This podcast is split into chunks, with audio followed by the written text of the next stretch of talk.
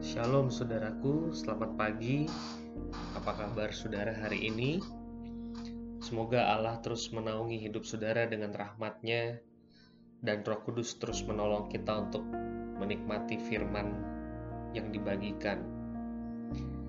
Saudara, pada hari ini saya mau berbagi firman Tuhan dari 3 Yohanes 1 ayat yang ke-11.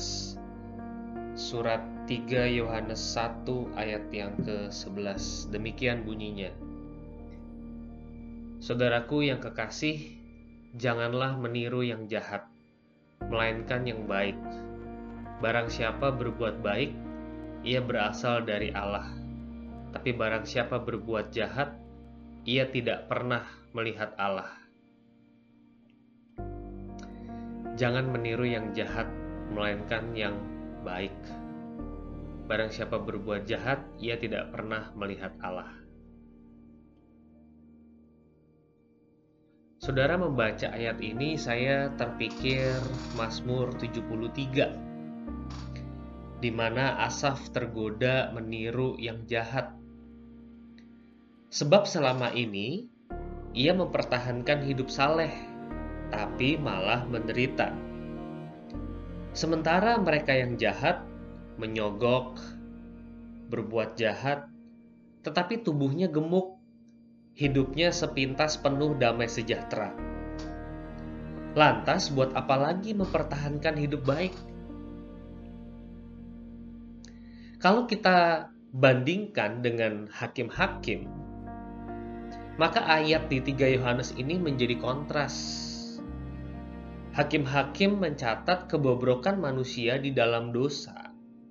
Setiap kali mereka terjerembab dalam dosa, maka Tuhan menghukum mereka dengan menyerahkan mereka ke suatu raja yang fasik, sehingga mereka ditindas dan pada akhirnya berteriak kepada Tuhan.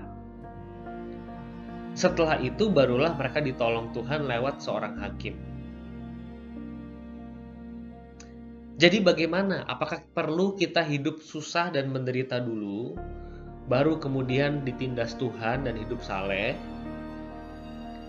Lantas apakah memang orang yang berbuah jahat itu rata-rata hidupnya enak? Gak ada gunanya mempertahankan kesalehan. Buat apa? Oh, jadi kesalehan itu adalah cek kosong yang bisa kita isi semau kita apa refleksi kita terhadap semuanya ini? Saudara saya pribadi diberkati lewat kalimat Yohanes, barang siapa berbuat jahat, ia tidak pernah melihat Allah. Coba perhatikan kalimat ini baik-baik. Barang siapa berbuat jahat, ia tidak pernah melihat Allah.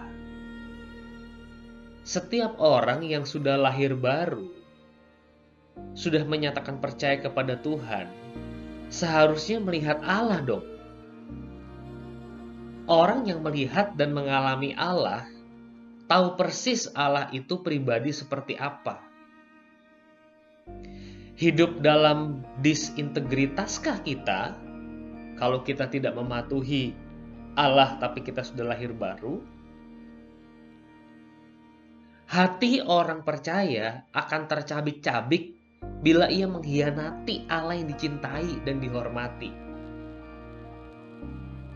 Saudara-saudara, kita berbuat baik bukan supaya terhindar dari COVID. Banyak anak Tuhan yang saleh meninggal, baik karena COVID maupun karena alasan lain. Tetapi orang-orang ini meninggal terhormat di dalam Tuhan karena seumur hidupnya mereka berintegritas tidak pernah mereka menjual integritas demi bebas COVID, bebas penyakit, bebas kemiskinan, dan lain sebagainya. Inilah orang-orang yang melihat Allah. Saudara, pertanyaan penting adalah seberapa jelas Allah itu bagi saudara dan saya.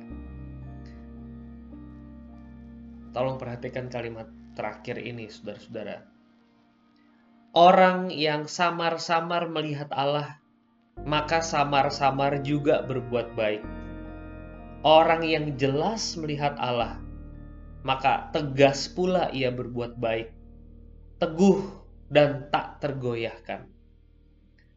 Pertanyaannya, seberapa confident Anda berbuat baik? Jawablah saudara pertanyaan ini.